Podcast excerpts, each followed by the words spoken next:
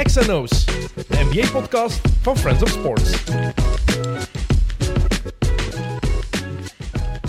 Dag iedereen, welkom bij XNO's. Nog altijd de basketbal- en vooral NBA-podcast van Friends of Sports, aangeboden door Bounceware, de basketbalspeciaalzaak in België. Zoekt u iets van NBA-stuff of gewoon sneakers of gewoon goede sportwear? Is allemaal te vinden in Bounceware. Ga eens kijken op de webshop of ga naar, naar een van de winkels. Er zijn er heel wat. Onder andere in Antwerpen, onder andere in Leuven nog altijd. In West-Vlaanderen is er een, denk ik, in Gent ook. Ehm, zoek het op, ga naartoe. Het is eh, zeker de moeite. Wat ook de moeite is, is het seizoen van de New York Knicks. En daar gaan we het vandaag onder andere over hebben. Bij mij Vlaams parlementslid, maar daar gaat het totaal niet om. Het gaat erom dat hij gigantisch New York Knicks fan is. Imaat Anouri, vriend van de show. Welkom terug. New York, we here. Uh, ook aanwezig vandaag, niet onbelangrijk, achter de knoppen. Jocke Wouters, Hallo. jarig, 28 jaar vandaag. Ja. Vandaar klink je. Dank u wel. Jocke, Happy birthday. proficiat man. Merci. Echt. 28 jaar. Rookie. Rookie. ja. Fresh off the bench. Fresh off the bench. Eh, de New York Knicks, er was wat vraag naar, ook op, eh, op social media, om het daarover te hebben. En sowieso, ja, ik heb een zwak voor de Knicks. Ik heb het al vaak hier gezegd. Het is de club van mijn vader. Dus dat heeft een, een plaats in mijn hart, automatisch. En good times, baby, voor jullie. Good times voor de Knicks-fans. Hey, zie jij deze glimlach, jongen? Dat is de eerste keer dat ik hier bij XNO's kom dat hij in een winning season van de Knicks is. En dat- Finally. En dat terwijl je eigenlijk niet mag eten, dat je hier zonder koffie zit. Ja. Hey, ga mij uit. Ramadan miracles. Ramadan miracles. Ja, het is, sir. even zeggen, het is vrijdagochtend, de 7e mei, als we dit eh, opnemen. De mensen ook weten wanneer dit is. Ja. Dat ze niet denken dat we een matchje gemist hebben of zo. Ehm, ja, de New York Knicks. Mhm. Good times, hè. Ze zijn... Ja, ik vind het moeilijk om te zeggen terug. ehm, want terug van wat? Ehm, maar eerste winning season in acht jaar. De playoffs mogen hen niet meer ontglippen. Ehm 12 van de laatste 14 matchen gewonnen. Iedereen die ooit gezegd had in het begin van dit seizoen de Knicks gaan de playoffs halen, die nu zegt dat hij dat had verwacht, liegt. Niemand had dit zien aankomen. Zelfs niet de meest optimistische Knicks-supporter. Maar zelfs ik had dat ook niet durven zeggen. En jij bent een van die Ja, optimistische en jij lacht me Knicks-supporters. altijd uit dat ik onbe- ah, blijf geloven in, in, in de toekomst van de Knicks. Maar nog meer dan de sportieve resultaten. ehm, wat mij echt gewoon super blij maakt, is het feit dat er terug een identiteit is. Er is terug een soort van cultuur bij de New York Knicks. Het is herkenbaar. En sowieso eh, komt dat voor een heel groot stuk door eh, Tom Thibodeau. En wat hij erin heeft geslepen gewoon, hè, qua defense, qua cultuur, qua onbaatzuchtig voor elkaar spelen. En het feit dat er nu al een winning season aan gekoppeld wordt, is een heel nice extra. Geloof mij, en je zag dat ook op het plein. Hè. Die werden allemaal, eh, na die match, eh, allemaal in elkaars handen vallen. Iedereen is super blij. World Wide West, die de Tom Thibodeau gaat knuffelen. En de tips, die begint te glimlachen. Hè. Ja, Die ja, gast die glimlacht nooit. Hè.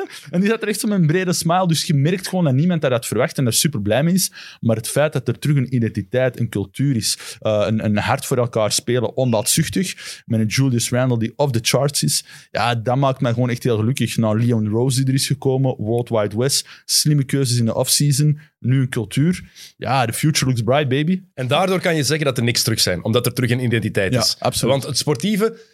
Daar gaan we het zo meteen over hebben, eh, wat dat inhoudt voor de toekomst ook. Maar het feit dat er een identiteit is, dat de Knicks terug tenminste ergens weten wie ze zijn. Het is niet het New York van de jaren 90, dat moet ook helemaal niet. Maar ze hebben nu een eigen identiteit gevonden en iets dat ook werkt. En die loser-mentaliteit, daar zijn ze een beetje van afgeraakt, lijkt mij. Tenminste, het is een ploeg die er nu helemaal voor wil gaan. En je ziet ook een ploeg op het veld, die gaan voor elkaar.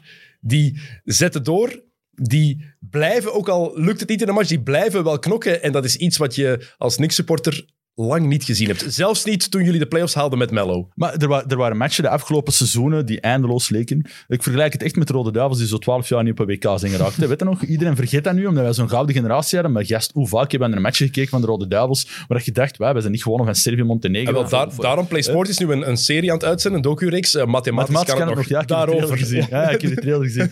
En basically was dat zo dezelfde woestenij de afgelopen jaren als een Knicks-fan. Maar eh, nu zie je gewoon... Allee, vorig jaar bijvoorbeeld wist ik...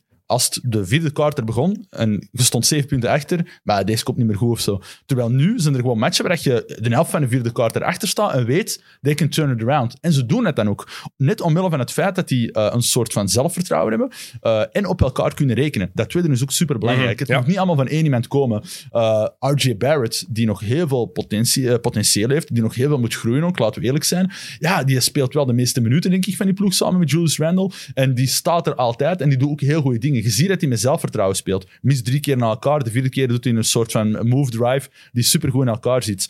Ehm, Maar het is, niet, dat- het is niet dat dit een goede ploeg is. Hè? Heel eerlijk Nee, zijn. Dit roster is niet goed. Hè? nee, nee. dus De Knicks zijn geen goede ploeg. En dat maakt het net zo indrukwekkend wat ze doen. Want ik heb, we, hebben, er, we hebben er genoeg over gepraat al, eh, via WhatsApp ook. En ja, ik moet ergens mea culpa zeggen, want ik had dit zelfs, zelfs in januari had ik niet gedacht, dit gaan, ze, believer. dit gaan ze niet volhouden. Nee, gewoon, rea- gewoon realistisch zijn. Ik ook gewoon af op de track record van de Knicks Ja. van de afgelopen jaren. En ik kijk ook naar die ploeg. Ik denk, Nerlens Noel. Nope. RJ Barrett. Potentieel, maar ik denk dat dat wel langer gaat duren. Derrick Rose, wat gaat die nu nog doen? Eh, Julius... Derrick Jul- Rose is the charts. Julius, tuurlijk, maar ik, ik wil gewoon zeggen wat ik dacht in januari als je keek naar dat roster. Julius Randle, ja, dat zal wel. Als je kijkt naar die ploeg, je wordt niet weggeblazen. Nee. Dit is geen ploeg om top 4 te zijn, in, zelfs niet in de Eastern Conference, als we heel eerlijk zijn. Het zijn overal afdankertjes, hè. Ergens wel. Of eh afdenkers, Julius Randle was gewoon iemand met heel veel potentieel die het nog niet had waargemaakt. Wat- Die ik echt weet- paste bij de... 26, hè? Ja, ik, de maar ik, weet, ik weet niet of ik het daarmee eens ben, of dat zo een... eh, dat hij potentieel heeft, sowieso. Het is een NBA-speler, top 10 pick, nummer ze- zevende pick geweest Ja. destijds. Maar als je kijkt, het is als een zevende seizoen. Hè. In de Ja. voorbije zes seizoenen is er geen enkel jaar geweest waarvan ik dacht, oké, Julius Randle gaat, kan een all-star worden in zijn carrière. Maar Nooit. niet- volgens mij, als ik het goed begrepen, is er er gewoon weinig tot geen spelers die zo'n fenomenale sprong hebben gemaakt na hun zesde seizoen Mhm. naar hun zevende seizoen toe als Julius Randle nu. hè. Dat is waar. Als je kijkt naar het aantal gemaakte driepunters, als ik het goed voor heb, die cijfers, wat was het? De afgelopen zes seizoenen iets van een 165 driepunters gemaakt, iets 160. Dit seizoen zit hij aan 130. Hè? Ja, hij pakt er meer dan vijf per match. Hè. Ja, en- en, en- het percentage, het is 42% van achter de Ja, driepuntlijn. ja. Voor een gast die eigenlijk niet zo goed kon shotten daarvoor. Ah, wel, Het is dus, dus, gigantisch. dus, dus wat daar samenkomt, het, het graven en die ploeg is, want je zegt dat is geen goede ploeg. Ik vind wel dat die echt zotte team chemistry hebben. Ja, maar, maar echt, daarom, qua- staat los qua van elkaar. ploeg- Ik heb het over puur als je kijkt naar het roster, als je kijkt naar het Ja. materiaal dat ze ter beschikking hebben, Ja. de spelers. Maar Dan is het niet goed maar genoeg. Tips, Tips heeft er op een of andere manier een ploeg van gemaakt waar zelfs Nerlens Noel, qua protecting the rim, I like what I see, hè. Nerlens wel speelt een fantastisch Die seizoen voor zijn bezig. Eh, defensive Player of the Year. Nee, nee, nee. Wow, nee, is toch een kandidaat, vind ik. Hey, heb je al gezien hoeveel bloks dat die op een wedstrijd zet? Ja, maar Gobert en Ben Simmons, die twee... Ja, alleen al, oké, daar die kan zijn ik niet aan. outstanding, Ja, maar... ja, dus, dus, maar, maar I like the vibe. I like Ja, the vibe. Natuurlijk maar, maar, Steun u, maar, maar ik vind, ik vind die echt allee, bovengemiddeld goed. Dat is net het ding. Die zijn allemaal gewoon bovengemiddeld goed aan het spelen. Uh, Emmanuel Quickly, uh, daar kun je het misschien straks nog over hebben, maar I love his attitude. Hè. Die komt als 25e pick. Iedereen zo, ah, Obi Toppin, die gaat het verschil maken, want ja, die is eigenlijk gedraft omdat er weinig werd gerekend op Julius Randle. Hè. Dat is eigenlijk een, een tweede soort Julius Randle waar ze wou in investeren voor de toekomst toe. Julius Randle nu is gewoon fenomenaal goed bezig. En Emmanuel Quick- Quickly is eigenlijk de rookie van New York. Hè. Die heeft zoveel zelfvertrouwen dat hij van ver achter de driepuntlijn schiet. Die drives en die kan op een heel mooie manier die floater doen. Die lokt fouten uit. Het is, Emmanuel Quickly is gewoon Lou Williams light. Hè? Maar had jij dat verwacht voor het seizoen? Nee, maar ik, ik moet ook eerlijk zeggen, ik heb vorig jaar niet zo van Kentucky gezien. Ja. Dus het is niet dat ik, dat, ik, dat ik Quickly zo goed kende, daar ga ik niet over liegen. Nee. Dus ik had daar weinig verwachtingen van. Maar sowieso van een 25e pick, daar heb je niet de niet hoogste veel verwachtingen Nee, nee, nee. OB Toppin daarentegen, ja, als je kijkt, je zegt dat Julius Randle, je moet alleen maar kijken naar zijn contractsituatie om te weten dat ze jaar, bij? New York niet echt in hem geloofden. Ja. Dus dit jaar is het 20, nog net geen 20 miljoen. Volgend jaar heeft hij maar 4 miljoen gegarandeerd. Die net die 63 miljoen op drie jaar kreeg, als ik me niet Maar, vergis. maar het is maar 4 miljoen gegarandeerd Ja. voor volgend jaar. Omdat ze zeiden van, ja, kijk, we weten niet wat, wat jij gaat brengen. Er was zo weinig vertrouwen in wat Julius Randle kon brengen voor de Knicks, dat hij voor volgend jaar maar een garantie heeft op Maar- 4 miljoen. Wat dat niks is voor een NBA-speler. Ah, ja, en, en dat is zo het, het, het sprookjesachtige dan, hè, als je dat woord wilt gebruiken voor wat de niks nu doen. Hebt het feit dat alle spelers boven hun, eh, zichzelf uitstijgen, like een Noel en, en, en Quickly. Je hebt Derrick Rose, die, allee, sorry, fenomenaal goed bezig is op de bench. Sixth man of the year. Misschien daar dan toch wel naar Derrick Rose kijken, als we dan toch prijzen om te telen. 21 en, de, de, de Knicks zijn 21 en 9 sinds Derrick Rose er is. Ja, maar ja, en ik herinner mij dat ik nog een WhatsApp heb gekregen van één iemand die zei dat Derrick Rose treden echt heel dom was en dat dat niet goed was voor de ontwikkeling van de, de rookies. En ik kon niet zeggen wie dit dat was. Ah, wel, Dennis, dat was jij. En ik Ja, dat ik zei, kom aan man, die Rose, altijd aan een zwak voor je. Maar, maar je moet ook denken, mijn redenering. Ik, de- ik zie Thibodeau bij een ploeg. En ik zie Thibodeau opnieuw Taj Gibson. Die ook halen. wel zijn meerwaarde En, op, ja, op, en opnieuw Derrick Rose. Oké, maar je moet kijken naar de afgelopen jaren van Ja, die. Rose. Ja. En dan... één, heb je zijn fysieke paraatheid. En ja, hij heeft die 50-point game gehad bij Minnesota, maar het is dat hij bij Minnesota alles kapot speelde. En ik vroeg me echt af, welke rol gaat die bij de Knicks vervullen. En ik had vooral ook de gedachte, Thibodeau kennende, die gaat 35 minuten per match spelen. Want Ja, we zien het bij Barrett en bij Randall, hij speelt die kapot. Hè? Ja, ja. Hij moet die, ik vind dat hij die te veel speelt eigenlijk. Dat, is, dat kan Maar gevaarlijk RJ zijn. vind ik dat niet het geval. Bij Julius misschien wel. Het kan, Hij we moet weten gewoon, RJ moet er gewoon we, weten, maar we weten gewoon dat het gevaarlijk kan zijn. Hebben we gezien in het verleden bij, onder Thibodeau. En dan dacht ik, Derrick Rose daarbij. Wat, wat gaat dat betekenen voor andere mannen? En ja, je hebt er sommigen die inderdaad niet meer aan bod komen. Nee. Zoals Frankie Smokes, hè, Ja. die zijn New York Knicks carrière is gedaan. Denk ik dat dat heel duidelijk is. Ik denk dat zelfs jij als eeuwig Frank Nilikana believer dat jij dat moet toegeven. Ja, ik, ik, ik, ik vrees daar nu wel een beetje voor. Ja, ik eerlijk zijn. Ah, wel dat hij wel wat momenten heeft gehad dit seizoen. Maar je weet ook hoe dat tips werkt. Hè. Een beperkt aantal mensen die hij continu laat afwisselen. En Lillikina zit daar nu voor een stuk niet bij. Dus, dus, dus ik volg dat wel voor een stuk. Maar ik had het niet gedacht. Inderdaad, ik moet het toegeven. Derrick Rose, ik had niet gedacht dat zijn impact zo positief zou zijn. Want, Ja. en dat is nog belangrijker, hij doet het zelf goed. Maar de impact die hij op de rest van de ploeg, heeft. beter. Hè. En je ziet ook gewoon dat die rookies, die, die, die drinken. Hè, van, Ja. van Quickly en, en, en iedereen er rond gewoon. Hè. En, en dan los van iedereen die buiten zichzelf eh, uitstijgt, het seizoen van Julius Randle is gewoon fenomenaal. Daar had niemand, maar dan ook niemand van, van, van, van, van durven dromen. Dus je hebt dat allemaal ze zich boven zich uitsteken. En wat zijn de cijfers? Defensive, hoe goed zijn de niks nu aan het doen? Beste defense van de NBA. Wat waren wij vorig jaar en twee jaar geleden? Brol. Absoluut Of een brol. offensive. Oh, ik weet nog in het begin van het seizoen dat iedereen tegen mij zei: Ja, maar iemand, je hebt gewoon geluk dat die andere ploegen veel te weinig drie's zijn aan het binnenknallen. Dat is niet waar, hè? dat is Ja, nog het- altijd. Het maar, maar heeft het zelf ook al toegegeven. Ja, in het begin lieten we te veel driepunters toe en toen waren ze inderdaad aan het missen. Maar ze hebben dat weer aangepast. aangepakt, voilà, en erop ingegrepen. En, en offensive, is vierde of ja, die, bon, die, die, qua, qua, qua statistieken als ploeg, zie je daar gewoon de hand in van een heel goede coaching, maar ook van een heel goede coachingstaf. En dat wordt ook voor een stuk vergeten. De, de beste trades die ze in het offseason hebben gemaakt, gaan niet over spelers, maar wel de hele technische staf. En de coachingstaf die ze hebben versterkt. En daarin zie je ook gewoon al voor een stuk de vista van een Leon Rose en een eh, World Wide West. Investeer eerst in een heel goede omkadering en daarna de spelers. En het is gewoon echt super nice dat je al in dat eerste seizoen met dan beperkt, eh, beperkte spelers, zal ik maar zeggen, toch al die winning season hebt gehad. En, wel- en, en over dat de toekomst gaan we het zo meteen hebben, want daar Ja. heb ik nog wel ergens mijn twijfels over. Maar één ding over Derrick Rose toch. Ehm, ik hoorde Kevin O'Connor eh, en, ehm, en Verno dat zeggen in hun, eh, in hun de Mismatch podcast van The Ringer. En zeiden ook van, als we, niet zouden weten, als we niks zouden weten van het verleden van Derrick Rose, we weten niks van die blessures, we weten niet de speler die hij vroeger geweest is, en je zou hem nu zien spelen, dan denk je toch gewoon, goeie basketter. Heel simpel. absoluut. Wij, want wij, in ons achterhoofd, tenminste bij mij is het zo, als ik Derrick Rose zie, ik denk altijd aan D-Rose bij Chicago. Ik denk aan D-Rose op zijn best. Ja. Jongste MVP ooit. Je blijft die link ergens nog- altijd leggen. Maar als je dat, niet, als je dat even zou proberen aan de kant te schuiven, dit jaar, ja, dan kan je dat niet. Je je moet dat toegeven. En ik spreek nu mezelf tegen, want ik heb constant andere dingen gezegd dat ik niet begreep waarom de Knicks die trade deden. Ik vond het made no sense. En ik snap nog altijd waarom ik dat toen zei. Maar ik besef nu ook dat ik compleet verkeerd was. Ja. Compleet. Kijk, eigen Het fouten kunnen toegeven. Het siert je, het siert je. maar nee, dat is maar een simpele zegt, sportjournalist. hè. De waarheid die pacht heb ik ook niet, hoor. None of, none of us do, luckily. Maar, maar het ding is gewoon dat... ehm, je hebt wel gelijk, hè. D-Rose is ook een van de meest tragische verhalen in de NBA. hè. Toen hij bij Chicago was, jongens, MVP. The sky was the limit. Hij ging de league veranderen. Ehm, het was ballet in basketbal. Hè. Wat je deed naar de ring toe. Hoe hard heb hij er allemaal van genoten. En dan ene blessure. Tweede seizoen weer een nieuwe blessure. Nog één, Eh, nog één, ja, nog één. Ja, voilà, afgeserveerd worden door Chicago. En dan een beetje ja, Minnesota viel daar nog wat mee. Detroit heb ik hem zelfs niet meer gevolgd. Eh, Ik weet niet wat hem daar heeft blij. gedaan. Wees blij. Ah, wel, voilà, hè. Maar nu heb ik wel voor het eerste keer het gevoel van... Ja, het klopte ook allemaal gewoon terug voor hem of zo. Hij is terug herenigd. eh, En Thibodeau, hè. ja. Thibodeau, als je kijkt, ik heb een zotte statistiek daarover gezien, ehm, in zijn carrière. Onder Thibodeau, zijn plus-minus is plus 1125 onder tips. Onder andere alle coaches min 698. Oké, hij heeft veel meer onder Thibodeau gespeeld en heeft succesvolle jaren daar gehad. Ja, Maar het zegt wel heel veel natuurlijk ook over ja, de band die de band die heeft daar is en ook het vertrouwen dat hij daardoor krijgt. En wat je zegt, je hebt het aangehaald, die coachingstaf, dat is de belangrijkste transfer die de Knicks misschien gedaan hebben.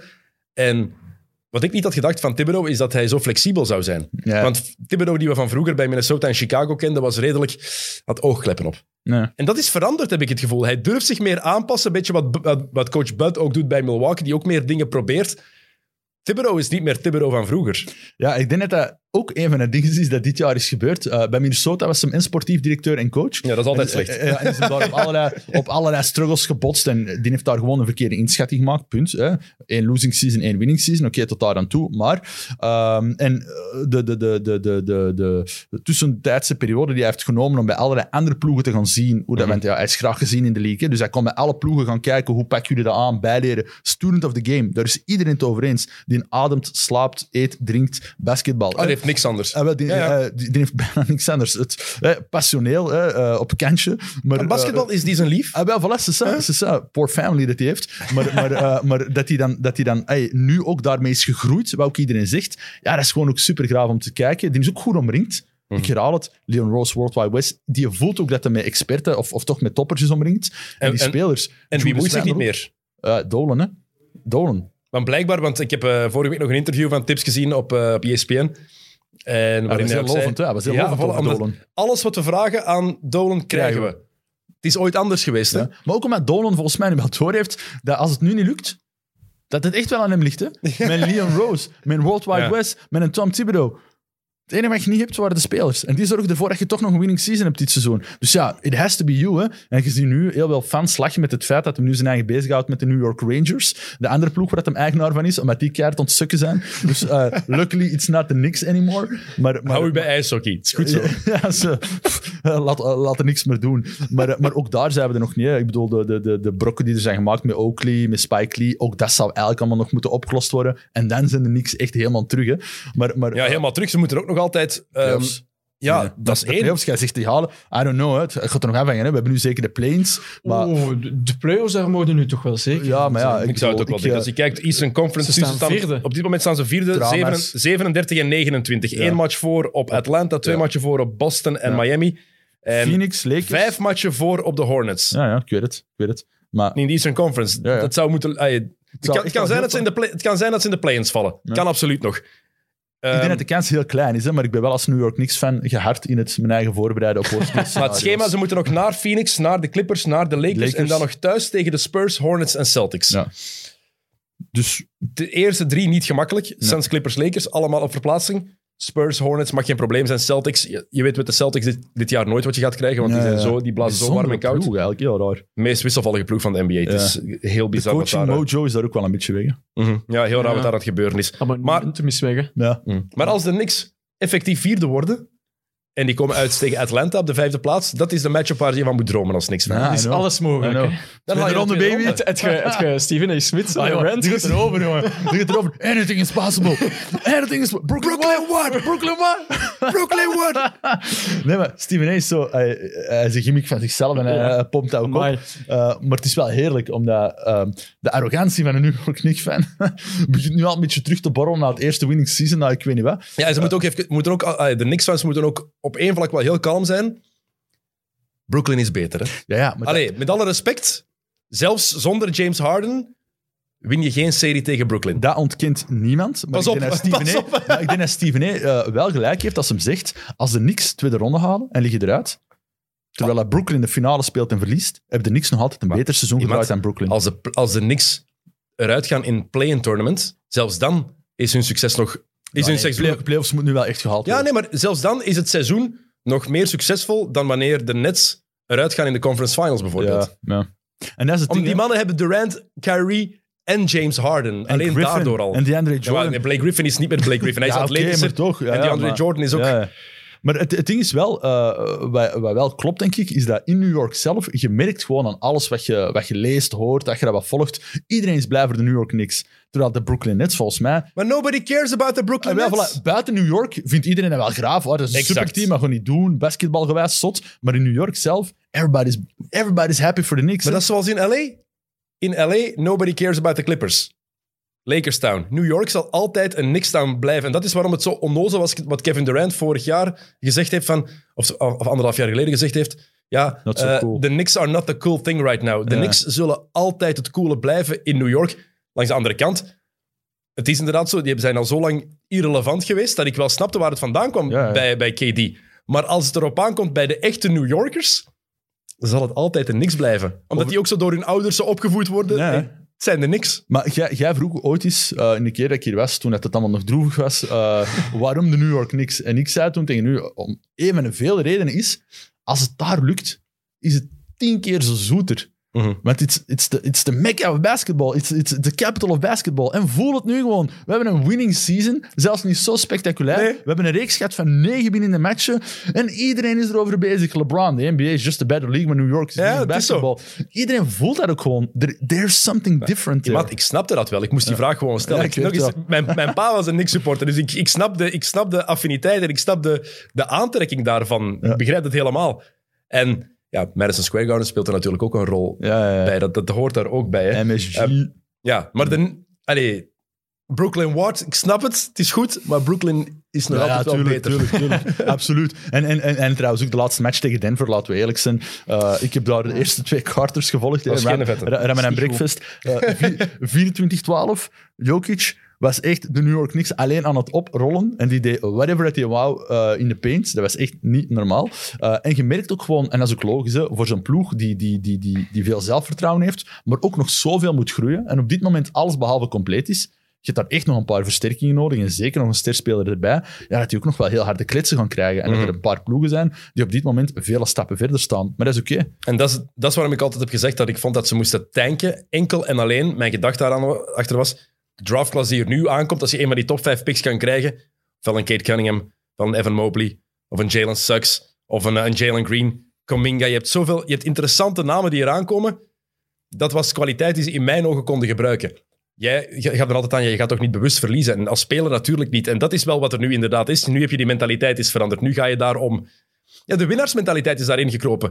Um, en er zijn heel wat ploegen, kijk naar Sacramento er in de jaren, waar dat het verliezen ook voor een verliezersmentaliteit heeft gezorgd. En ik denk dat die twee dingen niet moeten samengaan. Maar het is wel goed dat Thibodeau nu die winnaarsmentaliteit erin heeft gekregen. Al stel ik me wel de vraag, wat gaat dit betekenen voor de, voor de toekomst? Ik denk al verder na dan na dit seizoen. Eén, ik kies voor dit soort seizoen boven uh, tankje any day of the year. Ja, maar, niet, maar niet vijf jaar op rij. Nee, dat is waar.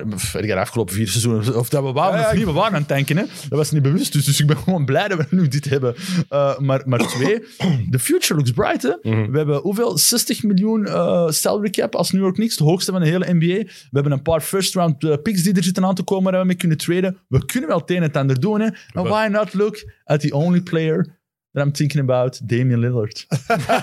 Waarom niet? Omdat die mens heeft gezegd dat hij bij Portland wil blijven. Ja, ik zou zo zuur zijn. Ik weet het. Die gaat dat niet hey, Damian Lillard is de enige speler waarvan ik overwoog, of overweeg nog altijd om een uh, jersey te kopen, niet van de New York Knicks. Maar die van Portland zijn ook cool. Ja, die zijn wel graaf. Hè? Vooral die witte dan, hè? vind ik zo. Met ja. die, uh, ik vind dat echt cool. Maar ik bedoel, uh, los van Damian Lillard, uh, ik hoop voor hem trouwens dat hij echt iets met Portland kan doen. En ik vind dat hij op dit moment, ik vind dat jammer om te zien. Hè? Vorig jaar in de bubbel vond ik die fenomenaal om te zien. En dit jaar is het zo wat moeilijker en wat meer struggelen. Maar ze, ze, ze hebben blessures gehad, maar nu ze fit zijn, is het nog altijd heel moeilijk. Ja, ja dat is heel het, duidelijk. Het, het, het, zit er gewoon, het komt er niet uit. Het, -hmm. zit er wel in, maar het komt er niet uit. Maar allee, dus we hebben, er is heel veel salary cap dat je kunt gaan gebruiken om topspelers aan te trekken. Er zijn wel amper interessante free agents. True, true. Maar wacht dan nog. Hè. Je, je, je, hoeft nu niet zot te doen. Hè. En ik denk ook niet dat ze nu domme dingen gaan doen hè, met Leon Rose en World Wide West. Het ik, durf je dat met vertrouwen zeggen? Nu wel. Na het off-season off van vorig seizoen wel. En ik denk dat er nu ook meer interessante spelers naar New York willen komen na dit seizoen. Oké. Okay.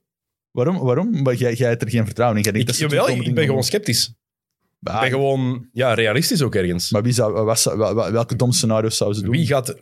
Ik hoop dat ze Bradley Beal niet halen, eigenlijk. -hmm. Ik weet dat Bradley Beal wordt genoemd als een... Dat zou ook nog niet de slechtste keuze zijn, maar het zou voor mij niet de grote -hmm. gamechanger zijn of zo. Ik denk ook niet dat dat de speler is die ze daar nodig hebben. Nee, ik denk ook niet. Ik, het is kijken naar de toekomst. En ik vraag me ook af wat ze met Randall gaan doen. Dat is ja, niet onbelangrijk. Randall die trouwens...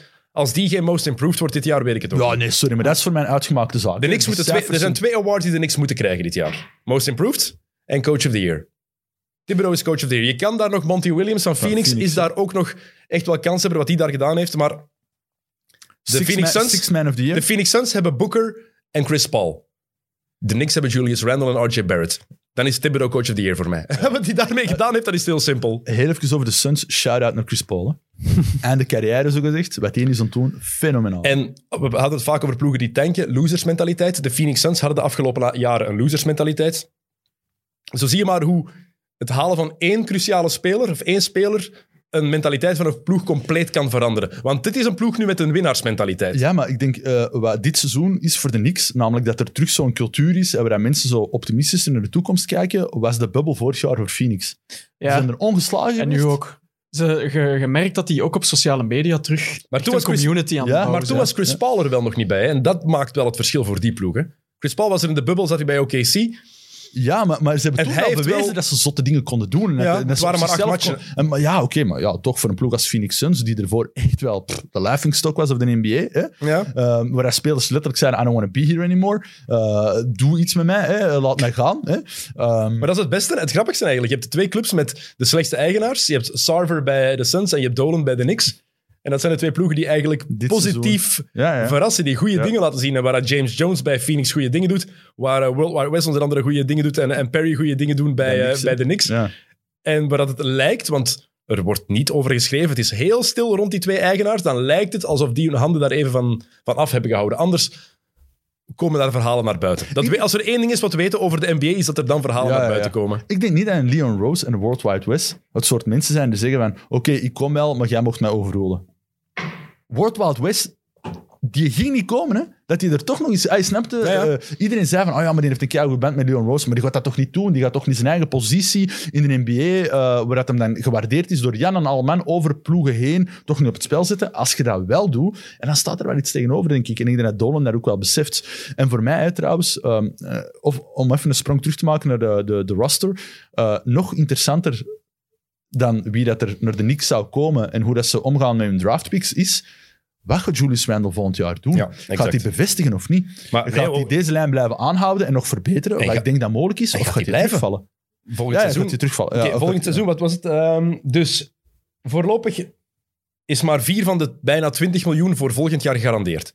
Kunnen ze in orde brengen. Ehm zegt wel alles over de verwachtingen die er voor hem waren natuurlijk ook. Ehm, als ze hem zouden laten bijtekenen, kunnen ze zijn salaris met maximum 20% laten stijgen onder de salary cap regels. Dat betekent dat hij maximaal, wat is het, Eh, 140 miljoen kan krijgen voor vijf jaar.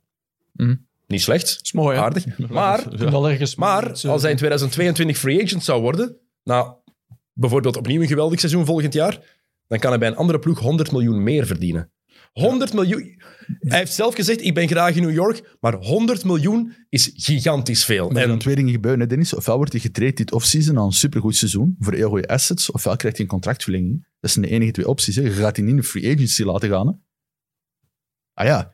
Ofwel, ofwel ik, breekt zou, ik, zou het, ik zou dat ook denken, maar ik heb al vreemdere dingen gezien van, van, van eh, general managers. Ja. Ik heb al vreemdere... Nee, ik denk, keuzes mijn, inschatting is dat dit eh, tussenseizoen zullen ofwel zien dat Julius Randle wordt getraind voor andere assets, om de andere ploegen die heel graag willen, ofwel dat hij zijn contract wordt opengebroken. En dat weet ik eigenlijk niet wat je moet Maar doen. gaat, hij dat, maar gaat hij dat willen? Gaat hij dat willen tekenen als hij beseft van, ik kan als free agent 100 miljoen meer krijgen ergens anders? Als klopt wat hij zegt over Thibodeau, want je hebt het over Ja. Rose, hè, dat hem zei van de band die ik heb met Tips, is een van de redenen dat ik hier wil zijn. Taj Gibson zegt dat ook. Ik hoor dat van veel startende spelers. En Randall zegt het ook. Julius Randle gaat in overdrive daarop. Hè. I would go to war for him. Ja. Ehm, Ja, eh, En hij ook voor mij. En, en, en er zit dan een soort van loyaliteit ehm, die ik denk die wel oprecht is. Ja, absoluut. Ehm, en die gast ook, wat mooi daaraan is, je ziet aan Randall, je ziet dat hij harder werkt dan hij ooit gedaan heeft. En eh, ik, ik had een mooi verhaal gelezen. Ehm, Kobe Bryant, die ging altijd als hij naar een andere stad ging om te, gaan, om te gaan spelen. Het eerste wat hij deed als hij landde in een andere stad of daar aankwam, was een, een lege gym zoeken ergens, al was het een high school gym, om daar alleen te trainen. Ja. Gewoon wat, wat te shotten. Eh, nee, het is Kobe. Dat is niet gewoon wat shotten. Ja. dat, is, dat is all out gaan. Ja. Maar sindsdien heeft geen enkele andere NBA-speler dat blijkbaar gedaan. Blijkbaar. En Julius Randle is nu, volgens de berichten, de eerste speler die dat effectief overal doet. In Detroit was het onder andere ook zo. Ja. Waar hij aankomt en waar hij per se zegt van ik moet ergens een zaal hebben om nu te gaan spelen. Al is het om drie uur s'nachts dat ze aankomen, Randle moet nog gaan trainen. En blijkbaar zijn er heel wat Knicks-spelers die met hem meegaan. Dat is- meer en meer en De, meer. laat- de laatste Ja. is wel cool, hè? Ja, de laatste is het zotste van allemaal. Want je las dan een verhaal van in Detroit, hè, dat hem dan, eh, ze landden daar en hij ging naar een gym en hij was dan een high school, of een, eh, eh, een, high school denk ik, die dat dan voor hem hadden open gedaan. En die gast zei, hij straf, de laatste dat hij was, was Kobe Bryant. Mhm. En voor hem was het dan heel emotioneel, want hij heeft met Kobe gespeeld en, en, en, en, en weet ik wel. Ja. Maar het feit dat dat impact heeft op zijn teamgenoten, dat die meegaan, toont aan dat daar ook gewoon een soort van, ja, we want to put in the work en, en, en we voelen elkaar aan. En dat hij ook een soort van leiderschapsrol opneemt, los Ja. van zijn zotte cijfers. En dat, ja, dat telt ook wel voor wat. Wilt hij ergens anders naartoe gaan, waar het hem niet per se de leiderschapsrol heeft, uh, waar het er niet zo rond hem wordt gewerkt, waar het hem niet hetzelfde vertrouwen heeft van die coach? I don't know. Ik weet niet, als je zes seizoenen hebt gehad in de, milieu, in de middelmatigheid, na zo'n seizoen dat je dat somber wilt opgeven. Ja, want als je Randall bekeek bij de Pelicans, ik was niet weggeblazen bij de Lakers, ik was ook niet weggeblazen, en nu is het een andere speler ook geworden. En ik vraag me af of hij dat één kan vasthouden, of hij, wat je net zei, kan bevestigen volgend seizoen, of hij nog stappen verder kan zetten. En ik ben wel heel benieuwd om dat te zien, hoe dat kan evolueren, eerlijk gezegd. Ik ben daar heel benieuwd naar. Ik ben bang voor het Luigi Peroni seizoen. Ken je Luigi Peroni? Hij is een spits bij Moeskroen. Ja, ja. Die ooit topscorer is geweest en die heeft daarna geen hol meer gedaan. Is ook naar Anderlecht gegaan zelfs. Ja, ja oké, maar die heeft dus allemaal geen hol gedaan. Ik denk dat hij ook nog bij Auxerre heeft gespeeld in Frankrijk. Goed voor zijn carrière, maar die heeft nooit meer potten gebroken. maar toch, dat seizoen was dat, was dat de shit. Ik wil niet dat dat gebeurt met Randall. Ik denk ook niet dat dat gaat gebeuren met Randall, omdat hij nu zes jaar onder de belt heeft en nu een zot seizoen heeft en daarop kan verder bouwen. En het is een trainingsbeest. Dat vooral. Ja, het is, het is Ja. echt het is een trainingsbeest. Dus in dat opzicht hoop ik dat hij wel gaat bevestigen. Hm. Eh, en dan heb je natuurlijk RJ Barrett. Hè. Eh, ik, ik heb het altijd voor Barrett gehad van zijn high school highlight clips die je dan op YouTube ziet. Want ja, wie kijkt er volledige high school matchen? Niemand in België. Sorry, maakt me niet uit Nee, wat je zegt. Nee, ik geloof daar niks van als je dat zegt dat je volledige Ja, matchen bekijkt. Maar die had iets. En left, linkshandige basketters, ik heb daar altijd een zwak voor. Automatisch. Dat, dat heeft iets extra. En Barrett, ja, een rare stijl. Als je hem zo links zag, hij is ook zo van die, een van die linkshandigen die er stijf uitzagen. Meestal zijn die zo vlot en, en zijn shot zag er stijf uit. Vorig jaar, rookiejaar, kon hij niet shotten. Nee. Hij heeft er hard op gewerkt. En dit seizoen? 39,6% van achter de driepuntlijn. Whatever that mofo 39, of Minnesota says. What the hell? Ja. En ook, je ziet ook de stappen die hij verder begint te zetten. En je hebt het over een trainingsbeest. En als er één ding is wat RJ Barrett is, dan is het een harde werker. Ehm, is de zoon van een ex-prof. Zijn Peter is Steve Nash. Ja, Zijn godfather is Steve Nash.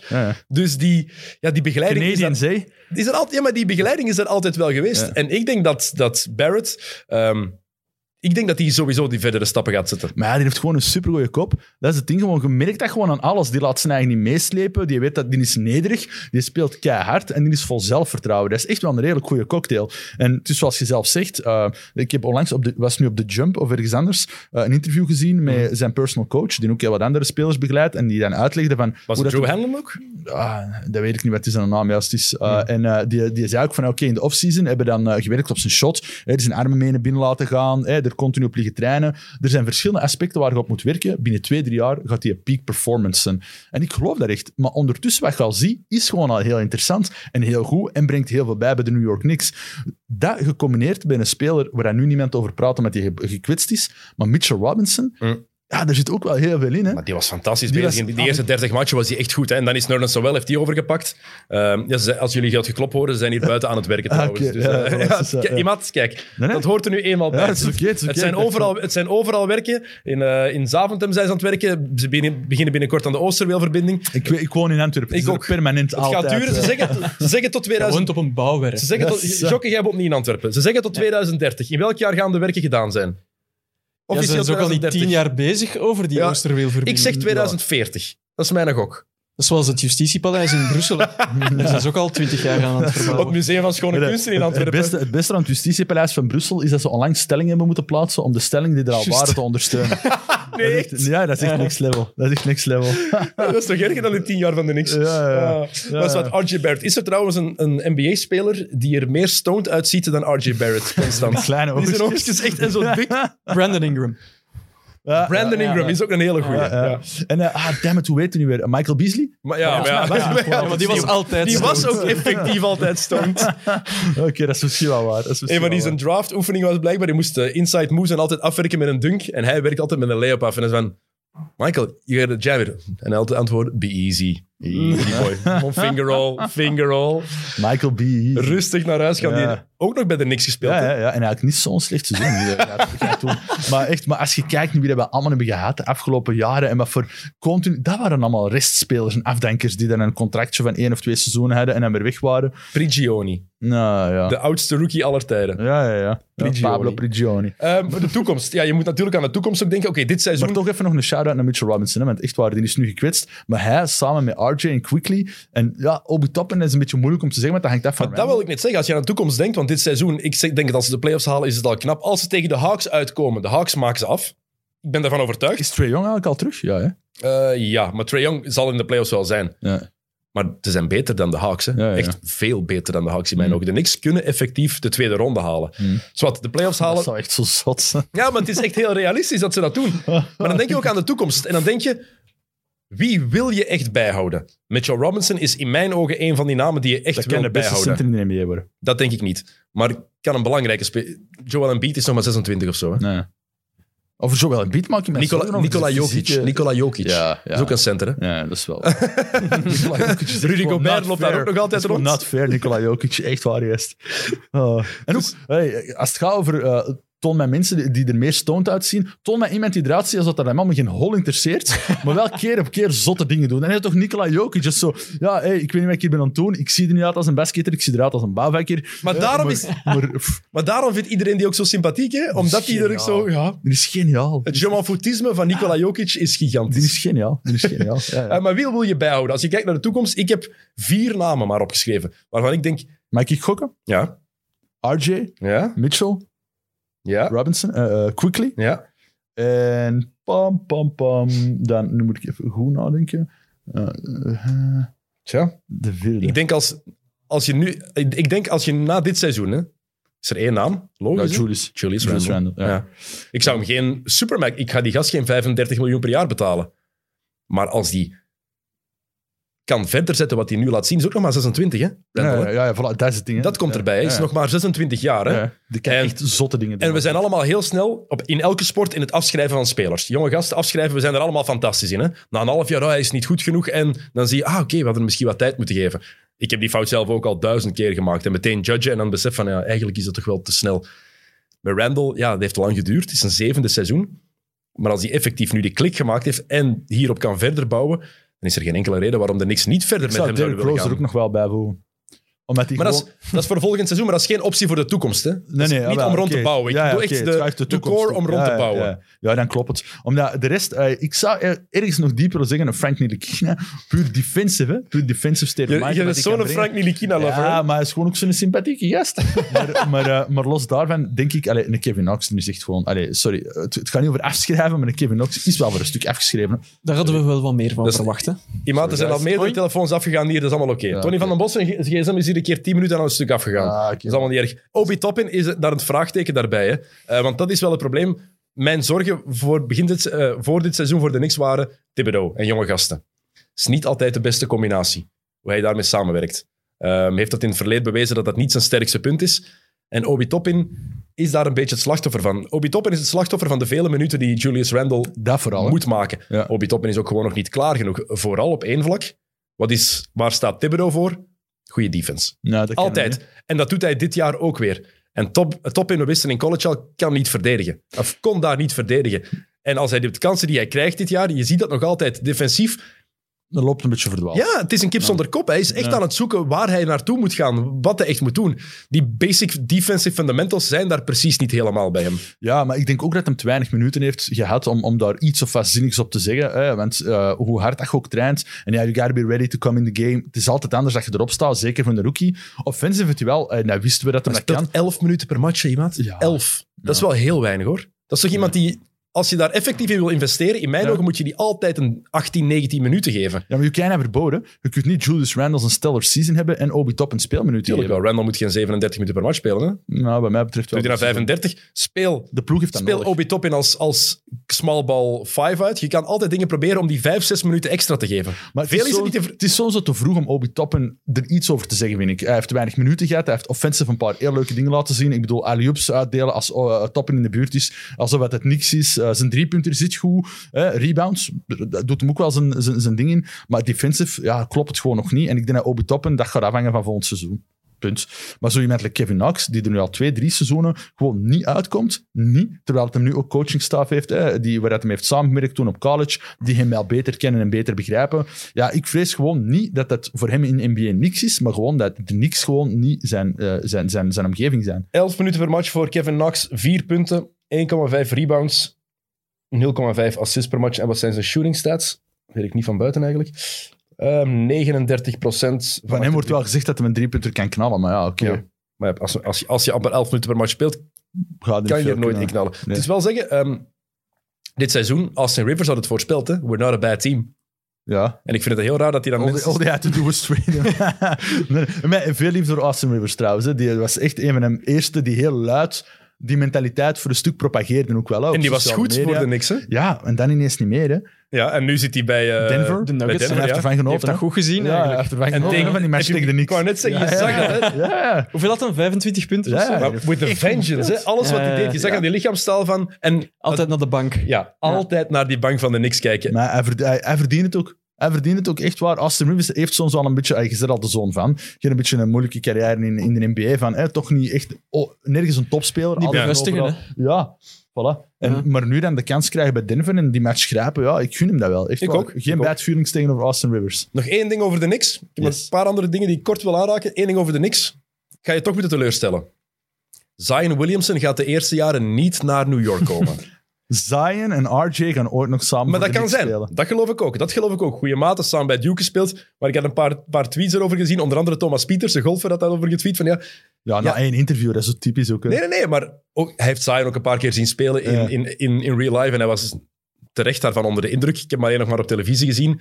Maar hij zei ook van, ja, in real life, die gast, dat is niet normaal. En dat hoor ik van iedereen die hem heeft Ja. zien spelen. Van. Het is echt een fenomeen. Het is niet normaal. Ja, ja. En ik snap de affiniteit. Ik snap waarom je zou willen dat hij naar New York gaat.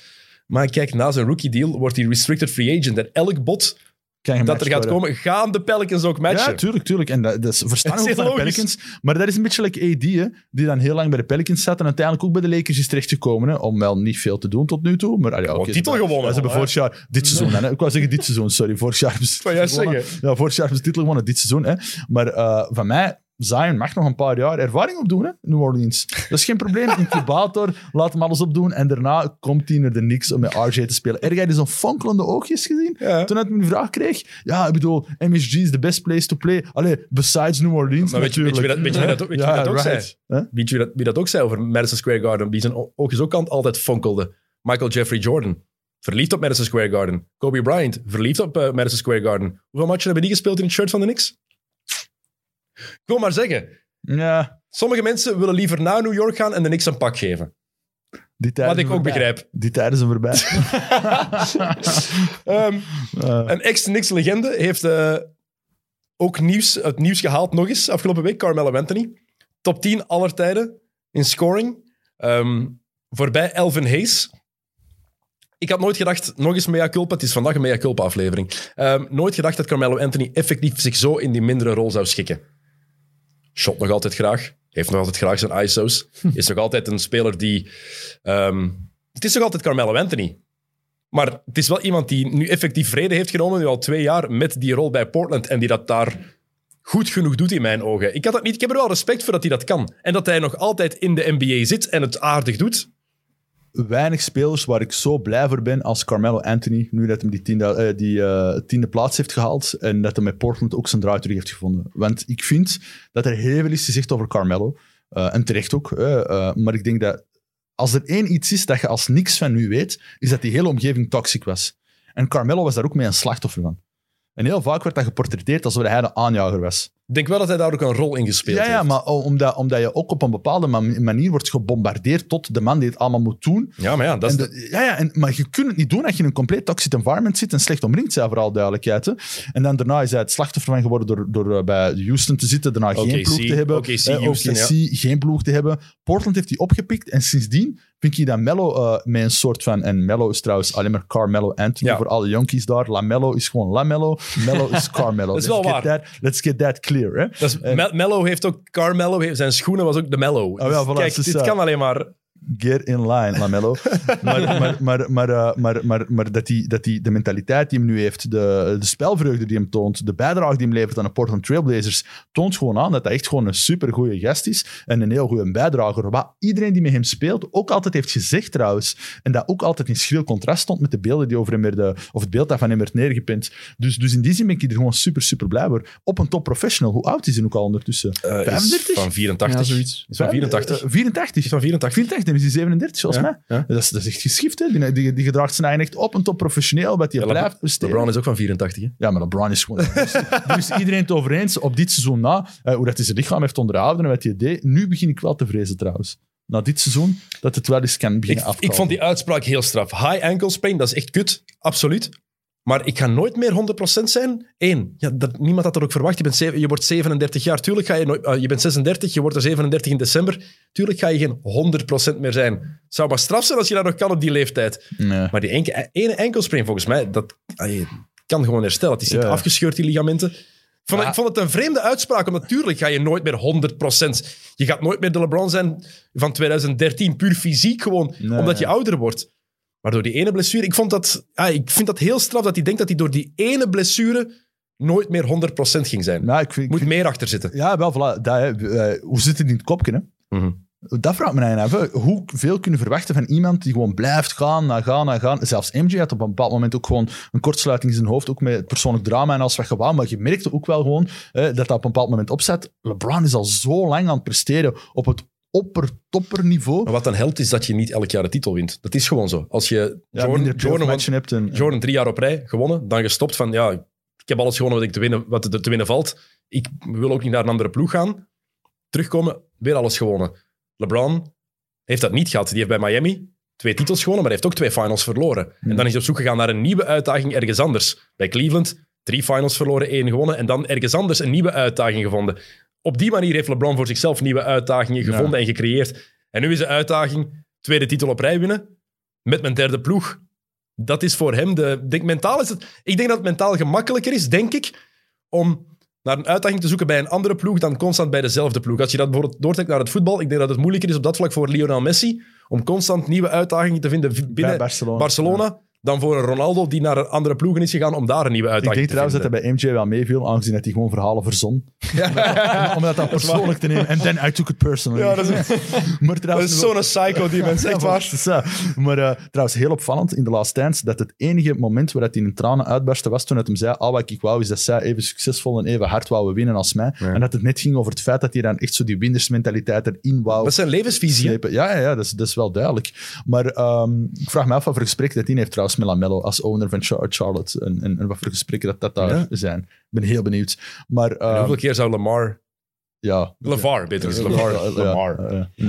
Maar ik denk niet dat hij daar binnen mag. Nee, ik denk ook niet. Nee. Ik denk ook niet. Nee, natuurlijk Maar niet. over LeBron en Melo nog één ding, wat ik super graag vind aan die gasten, en dat vind ik ook wel belangrijk om te zeggen, is dat eh, Carmelo is ook gegroeid qua eh, stem voor een community. Voor de dingen die hij Ja. is aan het doen rond bepaalde awareness en thema's. De NBA heeft er een zotte rol in gespeeld hè, voor het seizoen met Black Lives Matter. Maar dat vind ik ook graaf, hoe dat Carmelo daar op dit moment heel veel geloofwaardigheid rond heeft. Zijn platform gebruikt. LeBron doet dat ook, dat wisten we al. En dat is ook een van de redenen waarom ik zo, zo blij ben voor iemand als Carmelo. Snapte? Die, die heeft gewoon veel te bieden. Dus dat is graaf. Maar zowel, je ziet natuurlijk heel wat reacties, zeker op sociale media. Carmelo, top 10 aller tijden in scoring. En dan ineens van, ja, don't tell me he's not a top 20 player of all time. Wow, wow, wow. Iedereen, hold your horses. Heeft Elvin Hayes ingehaald. Ik vraag me af hoeveel mensen weten waar Elvin Hayes zelfs gespeeld heeft. Hmm. En Carmelo heeft een prachtige carrière gehad, maar het is geen top 20, misschien zelfs geen top 30 speler aller tijden. Nee. Het is gewoon de, Het is gewoon een van de beste realiteit. En moet ook, ja, als je kijkt naar het verleden, er zijn heel veel goede spelers geweest in de NBA. Hè? Heel veel heel goede spelers geweest in de NBA. Ja. Maar dat is een beetje like Vince Carter. Vince Carter was ook, even een, ook een op een top professional. Hoe lang is die meegegaan? Een zotte scorer, spectaculair. Is voor mij ook niet een van de beste 20 aller tijden. Totaal niet, Maar dat zijn, wel, 50. dat zijn wel gasten die heel onze generatie hebben beïnvloed. Ja. Eh, en, en- Begeesterd. ja, Ja. voilà. En, en, en Carmelo is gewoon een van de vlotste en puurste scorers die er was in de NBA. Punt. En de cijfers liegen niet. Absoluut, absoluut. Ehm, nog één ding, play-in toernooi. Ben je pro of ben je tegen? Uh, pro als dat alleen maar deze seizoen is. Hè. Waarom? Vind dat raar. Maar wat, je, hebt, je hebt matchen met meer inzet in april, nu mei, maar normaal gezien in april, die normaal voor de boeren zijn. Die voor, normaal waar niemand om geeft voor die matchen. Waar ook ploegen hun best niet meer in doen.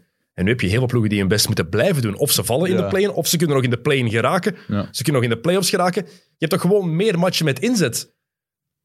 Ja, misschien, ben ik, misschien was dat mijn eerste conservatieve reactie van ja, gewoon eerste acht spelen playoffs. Ja, gedaan. maar als je eh, puur kijkt voor het product basketbal, voor het product NBA-basketbal, is dit toch een zegen. Je hebt meer matchen met inzet. Ik ben heel vaak vroeger in de paasvakantie naar de States gegaan om...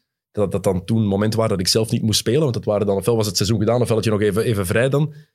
Ja, de matchen die je daar ziet, mooi basket is dat niet. Hè? Dat is Nee. geen geweldig basketbal. En nu is dat beter, want die mannen moeten ergens voor spelen. Ja, eh, ik wil het eerst zien. Ik, ik, ik geloof u, of ik snap de redenering erachter, maar ik wil gewoon zien wat dat geeft van die playing games. Die playing game vorig jaar was fantastisch, hè? Portland Ja, tegen dat is, waar, dat is waar. En er zit trouwens een rivalry nu tussen Portland en Memphis die ook wel heerlijk is om te volgen. En die kunnen elkaar terug tegenkomen in de ja, playing games. ja, hè. ik weet het. Ja. Ja. Dus, maar het is nu het is ook simpel. Het is 7 tegen 8 één match. Wie die match wint, is automatisch zeker van de playoffs. Dan 9 tegen 10. De winnaar daarvan speelt tegen de verliezer van 7 tegen 8. En de winnaar van die match gaat door. Ook nooit. Ja, ja. Twee, drie matchen. Ja, wel, eh, misschien wel. Ik wil, ik wil het gewoon zien, maar het is zo... Ik heb altijd geweten, eerste acht spelen playoffs. En ja, de conservatief in mij zegt dan van, ja, dat was echt hoe dat een NBA was. Maar ja, misschien, misschien is er wel gelijk in. Ehm, LeBron, is hij hypocriet of niet? Vorig jaar nog voorstander van de ploegen die onderaan staan. Ja, dan moeten ze maar tegen elkaar spelen. En nu staat hij zelf misschien in de playing games. En nu zegt hij, de persoon die met dat idee is gekomen, moet ontslagen worden. Ja, dat is hypocriet, hè, punt. En ik snap, maar ik snap dat ook wel. Eh, ja, het is altijd makkelijk als het over anderen gaat, totdat het over u gaat. Hè. Ah, ja, ja. Eh, dus, maar het is, het is menselijk, maar ook hypocriet. Ja, de Mavericks waren er ook over aan het zijn. hè. Ja, ook zo Toen dat ze eh, er bijna in zaten. En En Mark, nu- Cuban, Mark Cuban heeft mee voor dat voorstel gestemd. Eh, Ja, Dus die heeft dat mee goedgekeurd. ja. En dan zegt Luca iets. Ik snap het, de redenering. Het is eigenlijk wat heel veel mensen hier in België zeggen over de play-offs in het voetbal. Vind ik. Je hebt de klassement. nog eens gehalveerd en zo. Hm, dus, je hebt de, ja, nee, maar puur, je hebt het klassement, dus waarom zou je dat niet verdienen om de titel te winnen? Ja, omdat het meer matchen met inzet, dat is het hele punt net. Ja. Het is interessanter, het is relevanter, het is spannender. Maar ik vond de bubbel in de playing games vorig seizoen zo, zo wel heel magisch. Dat is raar, hè? Maar ik heb er wel van genoten. Dus Het als, niveau in de bubbel, wij onders- ik denk dat we dat onderschatten. ja, Het niveau in de bubbel is hoger dan wat ik dit seizoen al gezien heb. ja. Ik vind het niveau niet echt fantastisch altijd dit seizoen. We hebben al leuke dingen gezien, maar het is heel wisselvallig, heel up en down. Ja, Dat is er nog niet helemaal. ja. Ehm, nog één ding, laatste. Yes, yes. Russell Westbrook. Ik heb een paar eh, vragen gekregen, onder andere van David van de Velde, als ik me niet vergis, op, eh, op Twitter. Eh put some respect on his name. Even duidelijk maken, ik heb de Wizards in de playoffs gezet in mijn preview door Russell Westbrook. Ik denk dat dat genoeg respect on his name is, want Ja. de Wizards zijn geen goede ploeg. En Westbrook is de laatste anderhalve maand echt goed aan het spelen. Pakt hij nog altijd vreselijke shots? Absoluut. Wat was het? 21, 24? Ja, Vorige uh, paar matchen geleden? ja. Assisten. Hij pakt daar nog altijd vreselijke shots. Ja, shotselectie trekt vaak nog altijd op niks. Dat is gewoon zo. Dat blijft een deel van Russell Westbrook. Maar de impact die hij op een ploeg heeft, kan enorm positief zijn. Washington gaat, misschien de, gaat waarschijnlijk de play-in spelen, mogelijk de playoffs halen, eruit gaan in de eerste ronde dan, veronderstel ik. Mede dankzij geweldige Bradley Beal. Wat Westbrook doet, is indrukwekkend. Maar ik wil daar ook wel die kanttekening bij maken. Het hele triple-double geheelte is zo overrated. Dat is niet normaal. Want je kan zeggen, inderdaad, 21-24, dat is heel straf. Maar je moet ook kijken naar hoe hij veel van die rebounds pakt ook. Ja, het is gewoon vaak stijdsperring. En dat is niet om negatief te zijn, maar dat is gewoon de realiteit. En triple-doubles, dat is heel tof en het ziet er heel mooi uit. En het is indrukwekkend dat hij het voor het vierde jaar gemiddeld een triple-double heeft. Maar het feit dat hij een triple-double heeft, is gewoon overschat. Als iemand 35, 9 en 8 heeft, is dat even indrukwekkend als iemand die 14, 12 en 13 heeft. Vind ik. Ja, eh, ik denk dat het supergoed is voor Washington dat Westbrook daar zit. Die hebben iets om naar uit te kijken. Die hebben een sterspeler. eh, die zorgt voor spektakel, nog altijd. Die kan ballen. Niemand ontkent dat. Daar gaat het ook niet over. Maar ik denk ook wel dat het momentum dat Russell Westbrook iets ging kunnen forceren of betekenen in de NBA, dat dat ook gewoon definitief voorbij is. Russell Westbrook gaat niks meer winnen.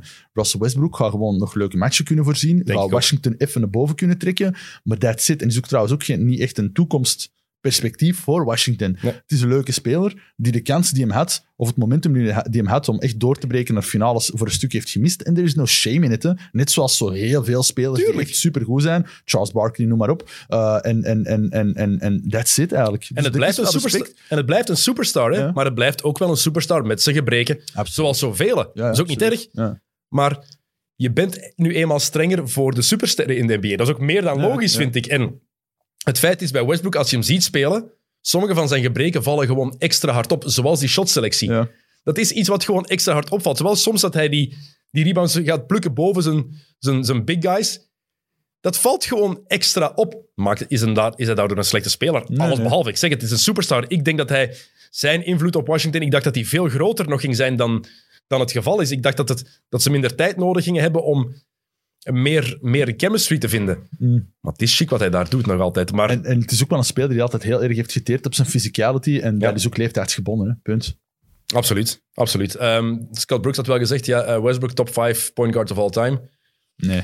Sorry. Ik snap dat hem dat moet zeggen nu, maar it's not true. It's not true. Het is jammer. Hij zei zelfs top 2.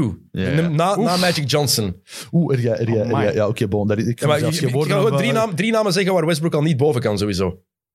Isaiah Thomas, de original, Zeke, ja. Stephen Curry. Ja. Ehm, Bob Cousy, ik weet het, jaren 50, 60, maar Bob Cousy heeft wel het spelletje mee veranderd. Ja, ja, ja. Eh, er zijn, en daar kunnen we nog verder gaan. Nou, Je hebt Gary Payton bijvoorbeeld ook, je hebt Jason Jason Kidd, Jason Kidd, Steve Nash, Ja. ja. om maar een paar point guards te noemen. Er zijn heel veel goede spelverdelers in de NBA Russell geweest. Westbrook is het naar. Maar eh er jij nog oh, het laatste, er jij Kevin eh, Durant gezien toen hij in een interview de vraag kreeg van Ja. noem je vijf beste teammaten op waar je ooit mee hebt samengespeeld en dat hij Russell Westbrook was vergeten. En dan zo, ah ja, wacht, ik zet je op plaats vier. Was het bewust of onbewust? Ja, tuurlijk was dat bewust. Ik denk dat Kevin, Kevin Durant heeft gewoon wat issues, jongen. Ment- mentally, mentally zitten er een paar dingen niet oké, maar ça va. Dat is wel duidelijk. Ja, dat is echt... Hij heeft het gelukkig niet via zijn burnerphone gedaan. Ja, of een Michael Rappaport is Ja, in oh, man. Maar Michael Rappaport is wel de enige mens die echt niet mag zagen over, de, over dingen Oké, dat hij dat zegt. is waar, dat is waar, maar toch. Allee, het, is, ging, het ging er ver over, hè.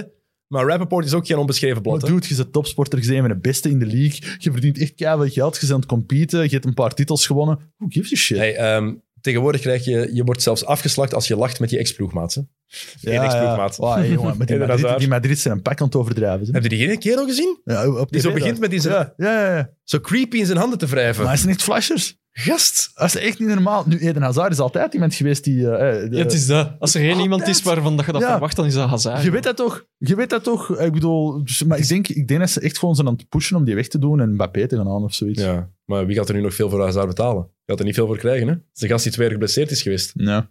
Dat is, eh, Ik wordt zie geen... nog wel terug naar Chelsea gaan. Maar goed. Zwat, het is hier geen voetbalpodcast. Nee, dat is heel duidelijk. Oké, iemand, we gaan afronden. Bedankt dat je hier was. New York, we here. Dat is heel duidelijk. De New York Knicks are back. De Knicks are back in town. Eh, winning season voor het eerst in acht jaar, zeven jaar was het? 2013. Ja, voor het eerst in 2013. acht jaar. Winning season. Wie had dat gedacht? New York Knicks.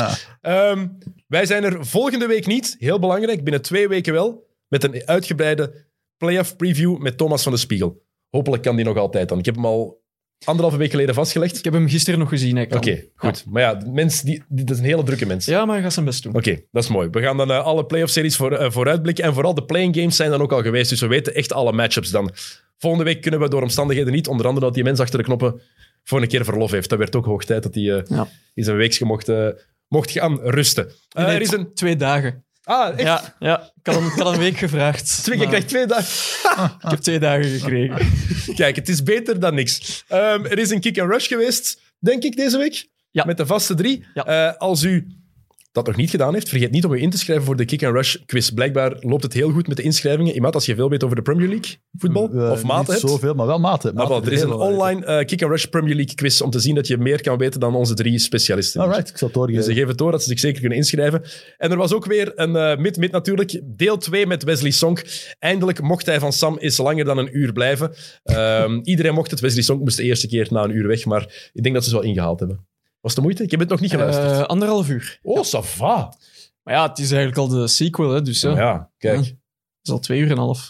Is er al Ereburger van Inhoven, of niet? Ja, Ja, ja, ja. ja, vorig oké. jaar al geworden. Alright. Meer dan terecht, hè? Natuurlijk. Meer dan terecht. Oké, iemand dikke merci. Er, Jokke? eh, Ja. er is ook nog een 90 Minutes. Een, eh, Ah, nieuwe inderdaad. samenwerking. 90 Minutes, nieuwe samenwerking van Friends of Sports met Sporza, eh, met eh, Aster, die in deze stoel dan zit, met Sam eh Kerkhoffs, met eh, even Steven denken, de Voer Steven de Voer En, Filip met. Filip Joos, die dan praten over eh, het Belgisch voetbal. 90 Minutes. Ik heb gezien dat jullie de klok niet gebruiken daarvoor. Eh, die podcast- Ze hebben het eh, afgekeken Nee, van... maar die podcast heet 90 Minutes. Dat is nu ene podcast is waar je de klok voor moet gebruiken. Ja. Maar wel 93 minuten Kijk, gebabbeld. dat is wel sterk. Zonder de klok. eh, Dat is wel heel... Misschien is dat nog straffer. Als je dat effectief altijd zonder de klok op 90 minuten kan houden. Even blessuretijd. Oké, dat is heel sterk. Alright, goed. Eh, wij zijn er volgende week dus niet. De week erna wel. Met de enige echte playoff preview. Tot dan. Salut.